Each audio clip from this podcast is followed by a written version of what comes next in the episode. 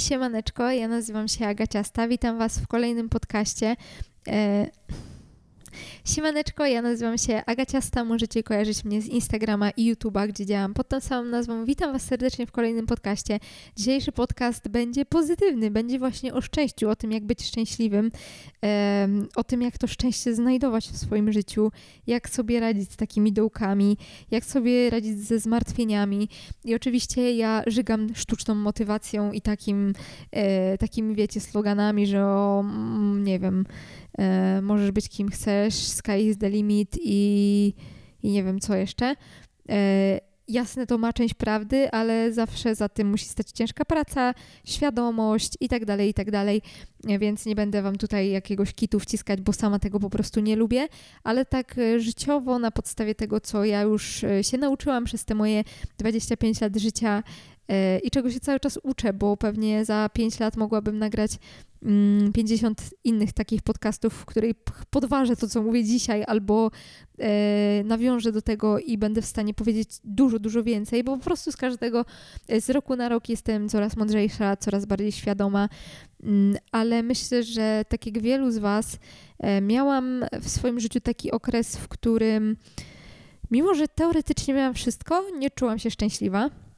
Mm, I to jest popularne, i to jest częste, i to jest błędne koło, bo mamy tak, że nie czujemy się szczęśliwi, a jednocześnie wmawiamy sobie, że powinniśmy czuć się szczęśliwi, bo przecież mamy wszystko. I skoro mamy wszystko, a nie czujemy się szczęśliwi, to znaczy, że a. Nie doceniamy, B. Jesteśmy e, rozpieszczeni, C. W ogóle nie wiem, czy nie powiedziałam A i C. Jak powiedziałam A i C, to teraz mówię B. E, I nie wiem, co chciałam powiedzieć. W każdym razie sami siebie oskarżamy o to, że robimy coś źle, bo nie czujemy się szczęśliwi, a teoretycznie powinniśmy. A to na początku już chciałam powiedzieć, że to, że ktoś ma gorzej od nas, wcale nie musi sprawiać, że my się poczujemy lepiej. Bo często używany jest taki argument, którego strasznie nie lubię, bo on jest strasznie krzywdzący. Czyli komuś jest smutno i słyszy: Ludzie w Afryce umierają, a ty narzekasz. No, i co to ma za zadanie, tego nie wiem, bo ani mi się nie stanie lepiej, jeśli ja to usłyszę, a wręcz przeciwnie, będę miała jeszcze większe wyrzuty sumienia, że rzeczywiście użalam się nad sobą, bo ktoś inny ma gorzej. Ani tym ludziom w Afryce nie będzie lepiej, bo to nic nie zmienia. No a osoba, która to mówi, no to nie wiem po co to mówi tak naprawdę. Więc to zaznaczamy sobie tutaj mocno na początku. Nie musicie czuć się szczęśliwi tylko dlatego, że ktoś ma gorzej, i nigdy to, że ktoś ma gorzej, nie powinno być dla nas powodem do radości, bo to jest po prostu, no, kurde, chujowe. Nie oszukujmy się, to jest coś nie tak, jeśli my się cieszymy, że ktoś ma gorzej od nas, yy, więc nie stosujemy takich argumentów, że ktoś ma gorzej, więc to by powinno być lepiej i nie wmuszamy w siebie szczęścia, yy, tylko staramy się go szukać ale nie wmawiać sobie, tylko realnie znaleźć powody do tego szczęścia, a nie wmawiać sobie, nie mówić, kurde, mam to, to i to, muszę być szczęśliwa.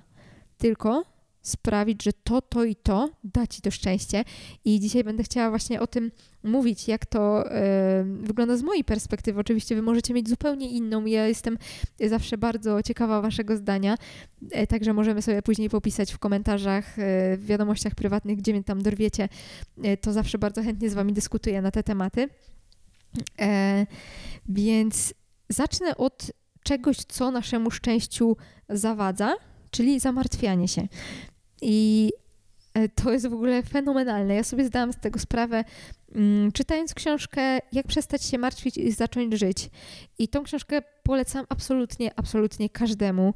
E, nawet jeśli jesteście przeciwnikami takiego coachingu i właśnie takich mów motywacyjnych i tego typu publikacji, to zapewniam Was, że ta książka zmieni Wasze życie. Tak szczerze. Ja byłam bardzo sceptycznie nastawiona właśnie do takiego coachingu i wiele przeczytałam takich publikacji i większość z nich to po prostu, no, dźwiga mi się, jak to czytam. A tutaj, no ja czytałam rozdział i sobie myślałam, Jezu, rzeczywiście tak jest. I potem to sobie analizowałam, przekładałam na swoje życie i naprawdę, no to było ultra odkrywcze i bardzo każdemu polecam. E, właśnie ta książka uczy tego, jak się nie martwić i przede wszystkim tego, że w ponad 90% martwimy się czymś, co nigdy się nie stanie. I to chciałam powiedzieć jeszcze tutaj na samym początku, żebyście sobie pomyśleli, czym się aktualnie martwicie. I później się zastanówcie, czy macie ku temu prawdziwe argumenty racjonalne. Bo ja na przykład, taki bardzo mm, bliski przykład z mojego życia, z ostatnich, e, z przeciągu tak naprawdę ostatniego tygodnia, dwóch, a więc tak, e, w styczniu ruszyłam z wsparciem dietetycznym na mojej stronie agaciasta.pl. Prowadzę osoby online indywidualnie, współpracuję z dietetykami klinicznymi, układamy indywidualne jadłospisy. No i generalnie w styczniu, jak ogłosiłam, e, że to rusza, to był 4 stycznia, to w dwie minuty wykupiliście wszystko, wszystkie pakiety, które były dostępne na stronie. I było wielkie boom, wielkie wow, i ja po prostu zostałam ze szczęką na podłodze i nie wiedziałam, jak mam ją pozbierać. To był dla mnie ogromny szok. Kolejne, kolejne, jak wyrobiliśmy się jakby z tą e, pracą, mm, wrzuciłam kolejne wolne miejsca i znów to była kwestia 3-4 minut, znów tych miejsc nie było. E, dziewczyny, moje panie dietetyk, ja po prostu miałyśmy ręce pełne roboty. Ja naprawdę no, po nocach to po prostu robiłam, żeby każdy dostał to na czas. E, niesamowicie mnie to cieszyło, bo jakby wiedziałam, że robimy dobrą robotę, bo to nie są masówki, e, tylko to każdy dostaje indywidualną, spersonalizowaną rozpiskę, więc to jest naprawdę z całego serducha mm, tworzone, cała nasza wiedza i tak dalej, i tak dalej. Więc z dziewczynami byłyśmy no po prostu zarobione po pas. I nawet miałam myśli, że może wypadałoby zatrudnić trzecią panią dietetyka albo pana dietetyka. I, mm, i wtedy zaczęłam się martwić. bo tak, i to jest właśnie śmieszne, bo wiecie, ruszyłam z nową rzeczą mo w mojej firmie, która przerosła najśmielsze moje oczekiwania. E, było absolutnie zajebiście. Moja firma prosperowała absolutnie zajebiście. Moi pracownicy mieli dużo pracy, którą lubili robić za wynagrodzenie, które ich zadowalało. I ja się zaczęłam martwić tym, że no dobra, jest styczeń, wiadomo, że w styczniu dużo osób ma nowe postanowienia i tak dalej, i tak dalej, ale przecież zaraz będzie luty i co, co jeśli w lutym nie będzie tylu chętnych? I co wtedy z moimi paniami dietetyczkami? Co ja mam im wtedy powiedzieć, skoro one zostaną bez pracy? W sensie, czy ja mam wtedy zwolnić jedną z nich? Czy jakoś, nie wiem, dzielić to, że jedna ma jeden jadłospis w jednym tygodniu, a druga drugi w drugim, druga druga w drugim. Nie wiem, co to było za potok słów. E, I naprawdę przysięgam, że ostatni tydzień stycznia ja codziennie się martwiłam tym, że w lutym moje panie dietetyk nie będą miały pracy. Rozpoczął się luty i aktualnie jest jeszcze więcej pracy niż było w styczniu. I to pięknie pokazuje właśnie to nasze zamartwianie się na zapas. Eee, I to jest oczywiście przykład z mojego życia. No jakby najłatwiej mi go było podać, bo ja sama sobie zdałam z tego sprawę dosłownie przedwczoraj, jak właśnie siedziałam. E, była już pierwsza w nocy i ja wysyłałam do dziewczyn kolejne ankiety, które nam musimy obrabiać. I sobie myślałam, Boże, ile jeszcze tego nam zostało, ile my jeszcze mamy do zrobienia, i wtedy sobie przypomniałam, że jeszcze tydzień temu ja się martwiłam, że nie będziemy mieli pracy. Na jakiej zasadzie te moje zmartwienia zostały wysnute, nie mam zielonego pojęcia. I my w większości przypadków właśnie tak działamy, że wymyślamy sobie problem, którego nie jesteśmy w stanie uargumentować. Na jakiej podstawie ja mogłam twierdzić, że luty będzie gorszy? No dobra, z jednej strony w styczniu dużo ludzi ma nowe postanowienia ale z drugiej strony przecież w styczniu zyskałam klientów, którzy są ultra zadowoleni, którzy, którzy mają y, zajebiste efekty i ja już jestem jakby sprawdzonym dietetykiem, już ktoś mnie jest w stanie polecić, ja jestem w stanie wstawić opinię pozytywną, zajebistą, zachęcić inne osoby. Więc jakby argument, że styczeń jest y, no, miesiącem postanowień i zmian, no jest trochę właśnie zabity tym, że chociażby w kolejnym miesiącu ja już jestem bardziej doświadczona, mam już zadowolonych klientów i tak dalej, i tak dalej. Więc ja nie miałam żadnej podstawy do tego, żeby się martwić tym lutym.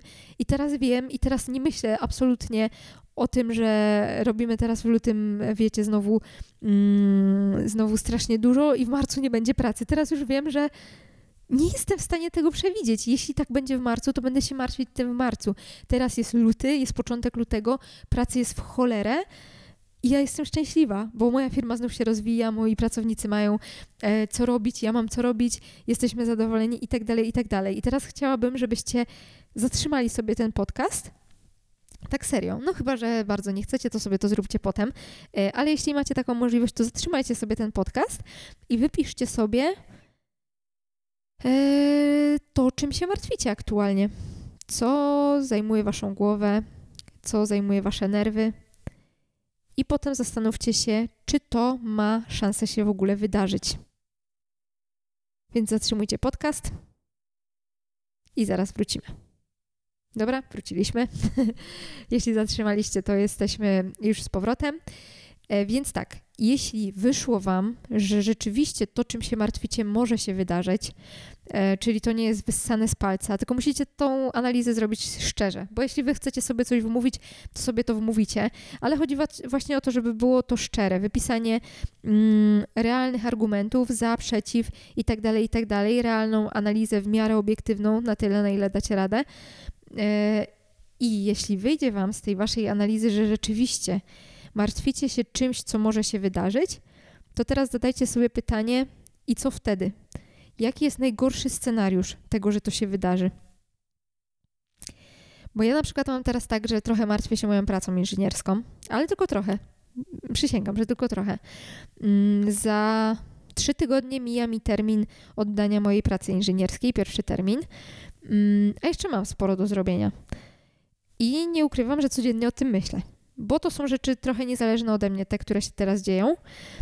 E, więc no jakby też no czuję, że nie mam za bardzo tej kontroli, nie za bardzo mam na to wpływ.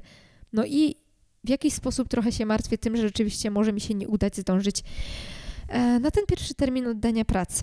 No i skoro to mnie martwi, to pytam siebie, no i co Agatko, jak się nie uda? Co się stanie najgorszego? Takiego totalnie najgorszego.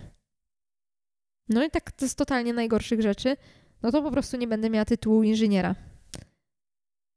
No i tak patrząc na perspektywę mojego życia, gdzie jestem zdrowa, gdzie mam wspaniałego chłopaka, wspaniałego psa, wspaniałych rodziców, zajebistą pracę, mm, za 5 miesięcy, nie, za 4, o, za 4 miesiące kupuję sobie chałupę swoich marzeń.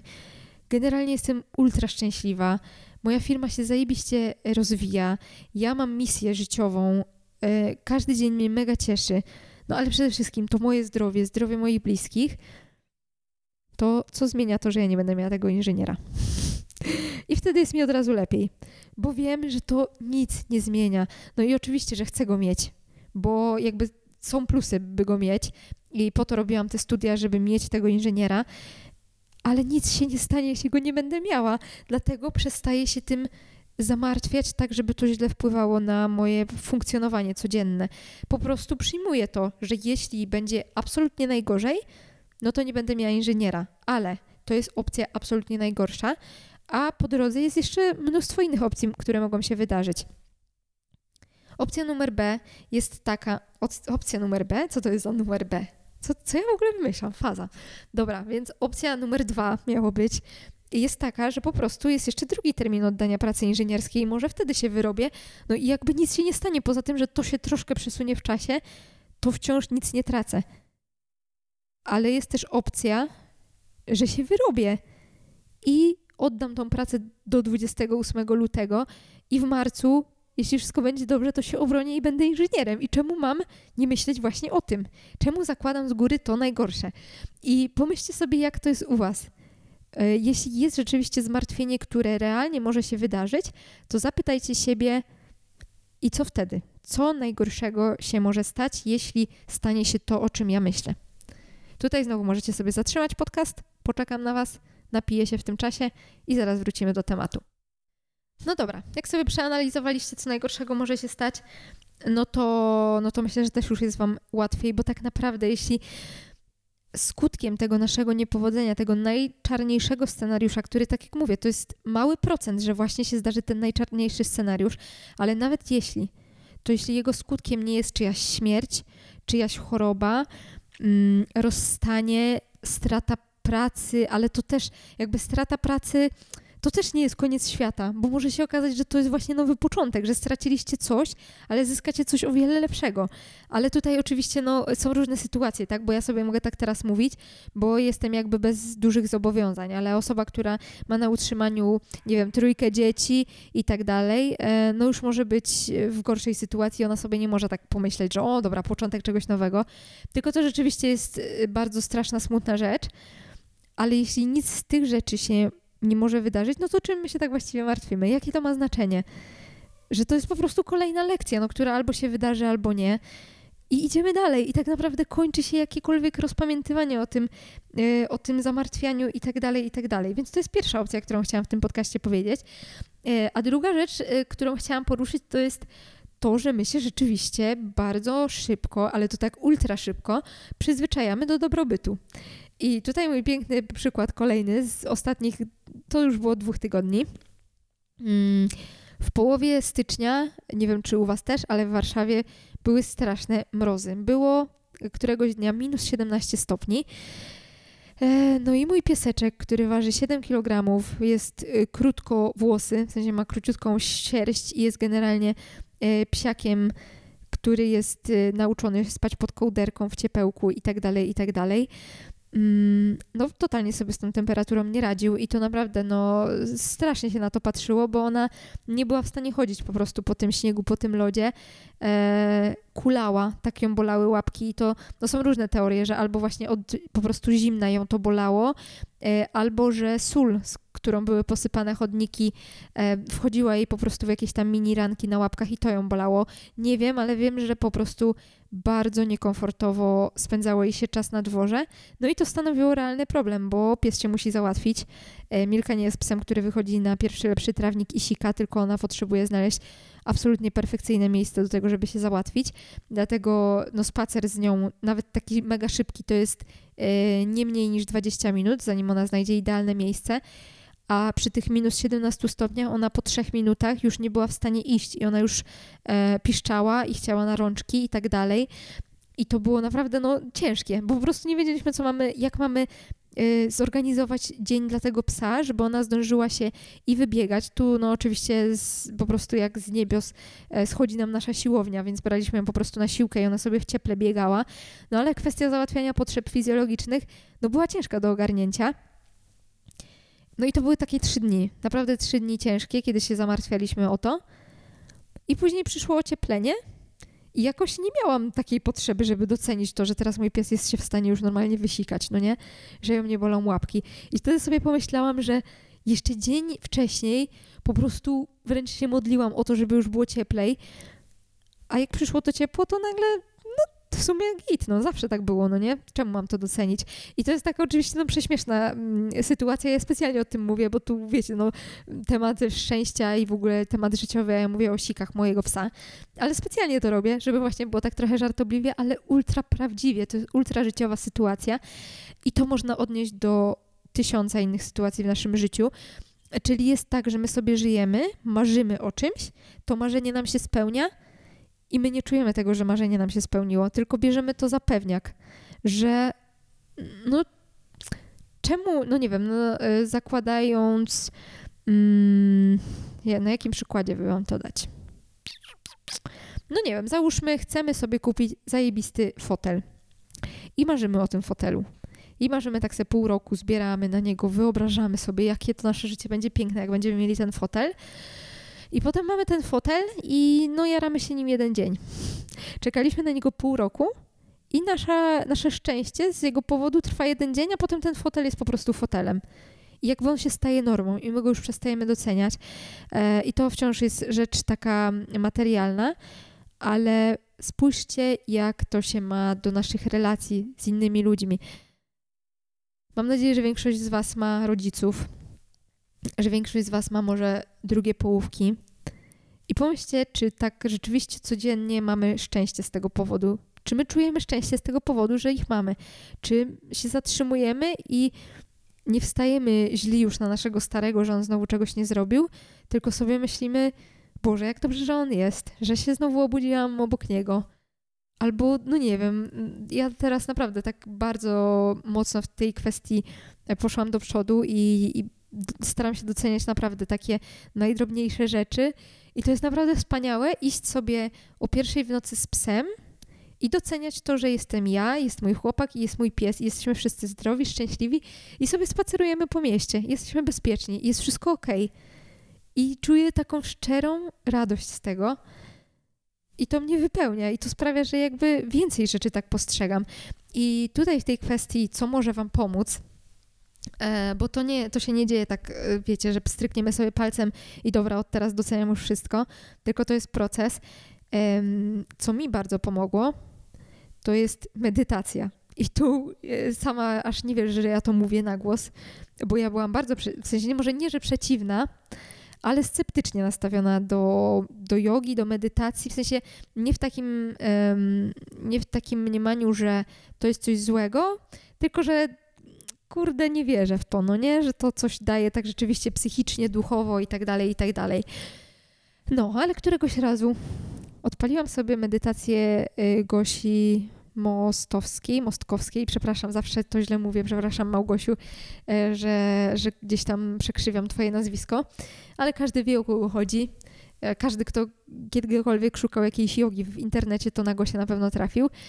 Mm, Gosia ma na swoim profilu na YouTubie filmik Medytacja wdzięczności. Tych filmików jest kilka. Mm, I ja sobie puściłam medytację wdzięczności o poranku, czy tam na dobry dzień, nie pamiętam. I tak jak sobie usiadłam, zaczęłam tego słuchać, wciąż dosyć sceptycznie nastawiona. Jeszcze jak ona powiedziała, że rozluźniamy żuchwę, to zaczęłam się tak chichrać z tego. Jakoś tak mnie to wyjątkowo rozbawiło, że mówię, oho, no to se pomedytowałam, no nie, jak ja mam bekę, nie potrafię się tu w nic wczuć. Tu mam myśleć o oddechach, a ja się po prostu brechtam. Eee, I później mm, po takiej e, uspokojeniu tego oddechu, ta medytacja trwała, ja się też trochę uspokajałam nagle Gosia powiedziała, żeby pomyśleć o czymś, co doceniasz, co się dobrego wydarzyło w Twoim życiu.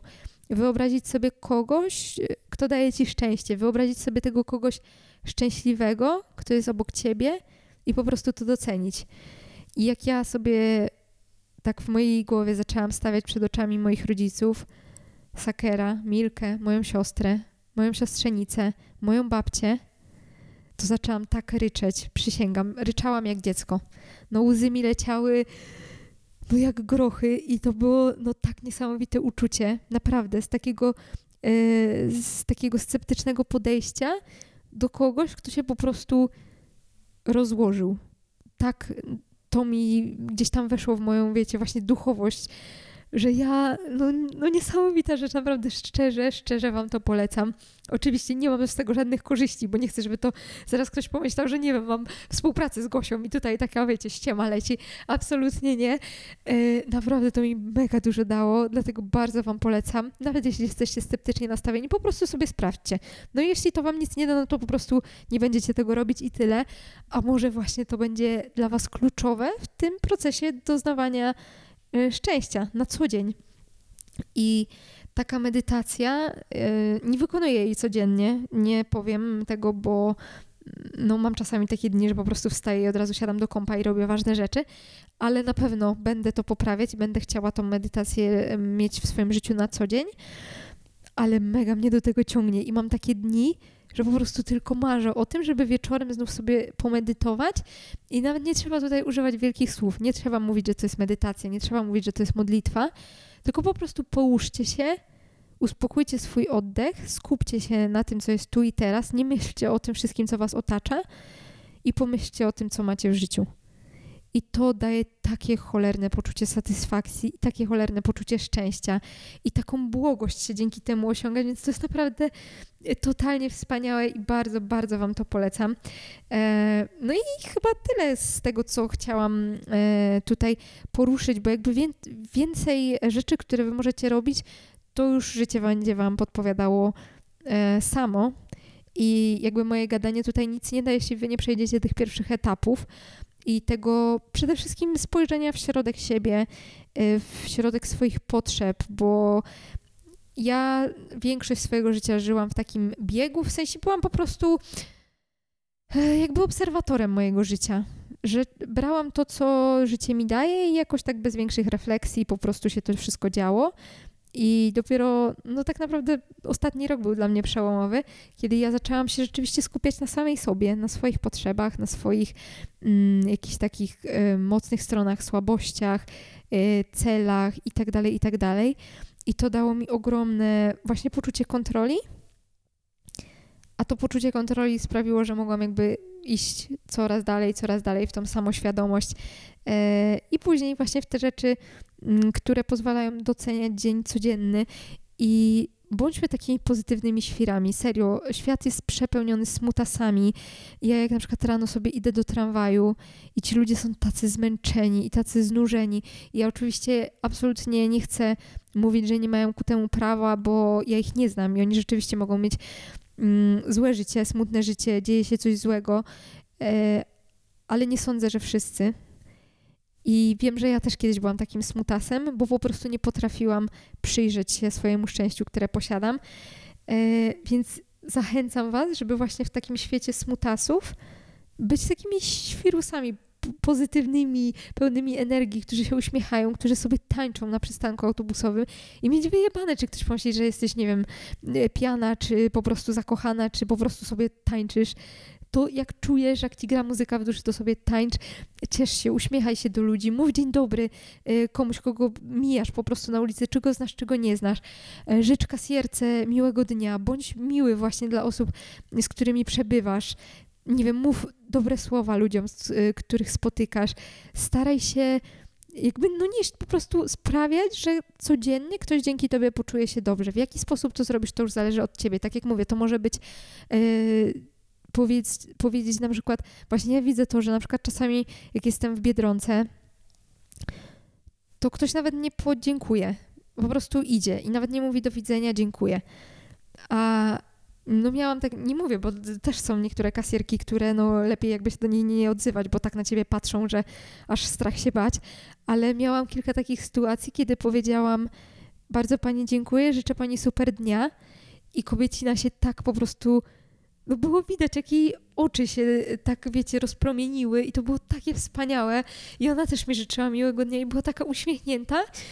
I jakby moje kilka słów no, podziałała się magia po prostu. Ona się miała pewnie dużo lepszy humor i wysłała go mnie i po prostu no było, było mega, więc to są takie proste rzeczy, które możemy robić.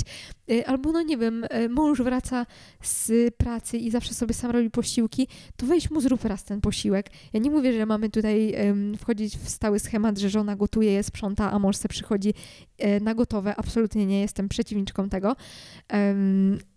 Ale właśnie, no jeśli, jeśli się dzielicie obowiązkami, a wiesz, że na przykład ten twój mąż, no nie wiem, miał słabszy dzień w pracy, albo po prostu gorzej się czuje, i to się oczywiście rząd też tyczy, drodzy mężowie, no to zrób mu taką małą przyjemność, albo nie wiem, y, zaproponuj wspólny wieczór przy filmie, zróbcie razem coś wspólnego, coś fajnego dla niego. Mm, nie wiem, w pracy jak spotykasz koleżankę, to pochwal jej nie wiem, nowy kolor włosów. No takie, wiecie, totalne pierdoły teraz już wymieniam, no bo to, to każdy musi jakby do swojego życia dopasować, ale naprawdę strasznie wam to polecam, bo to jest karma, która tak wraca. W sensie to jest dobro, które ja zawsze sobie to tak wyobrażam, że robię dobro i ono robi taką ogromną, ogromną rundkę po całym świecie, zgarnia milion innego dobra i do mnie wraca.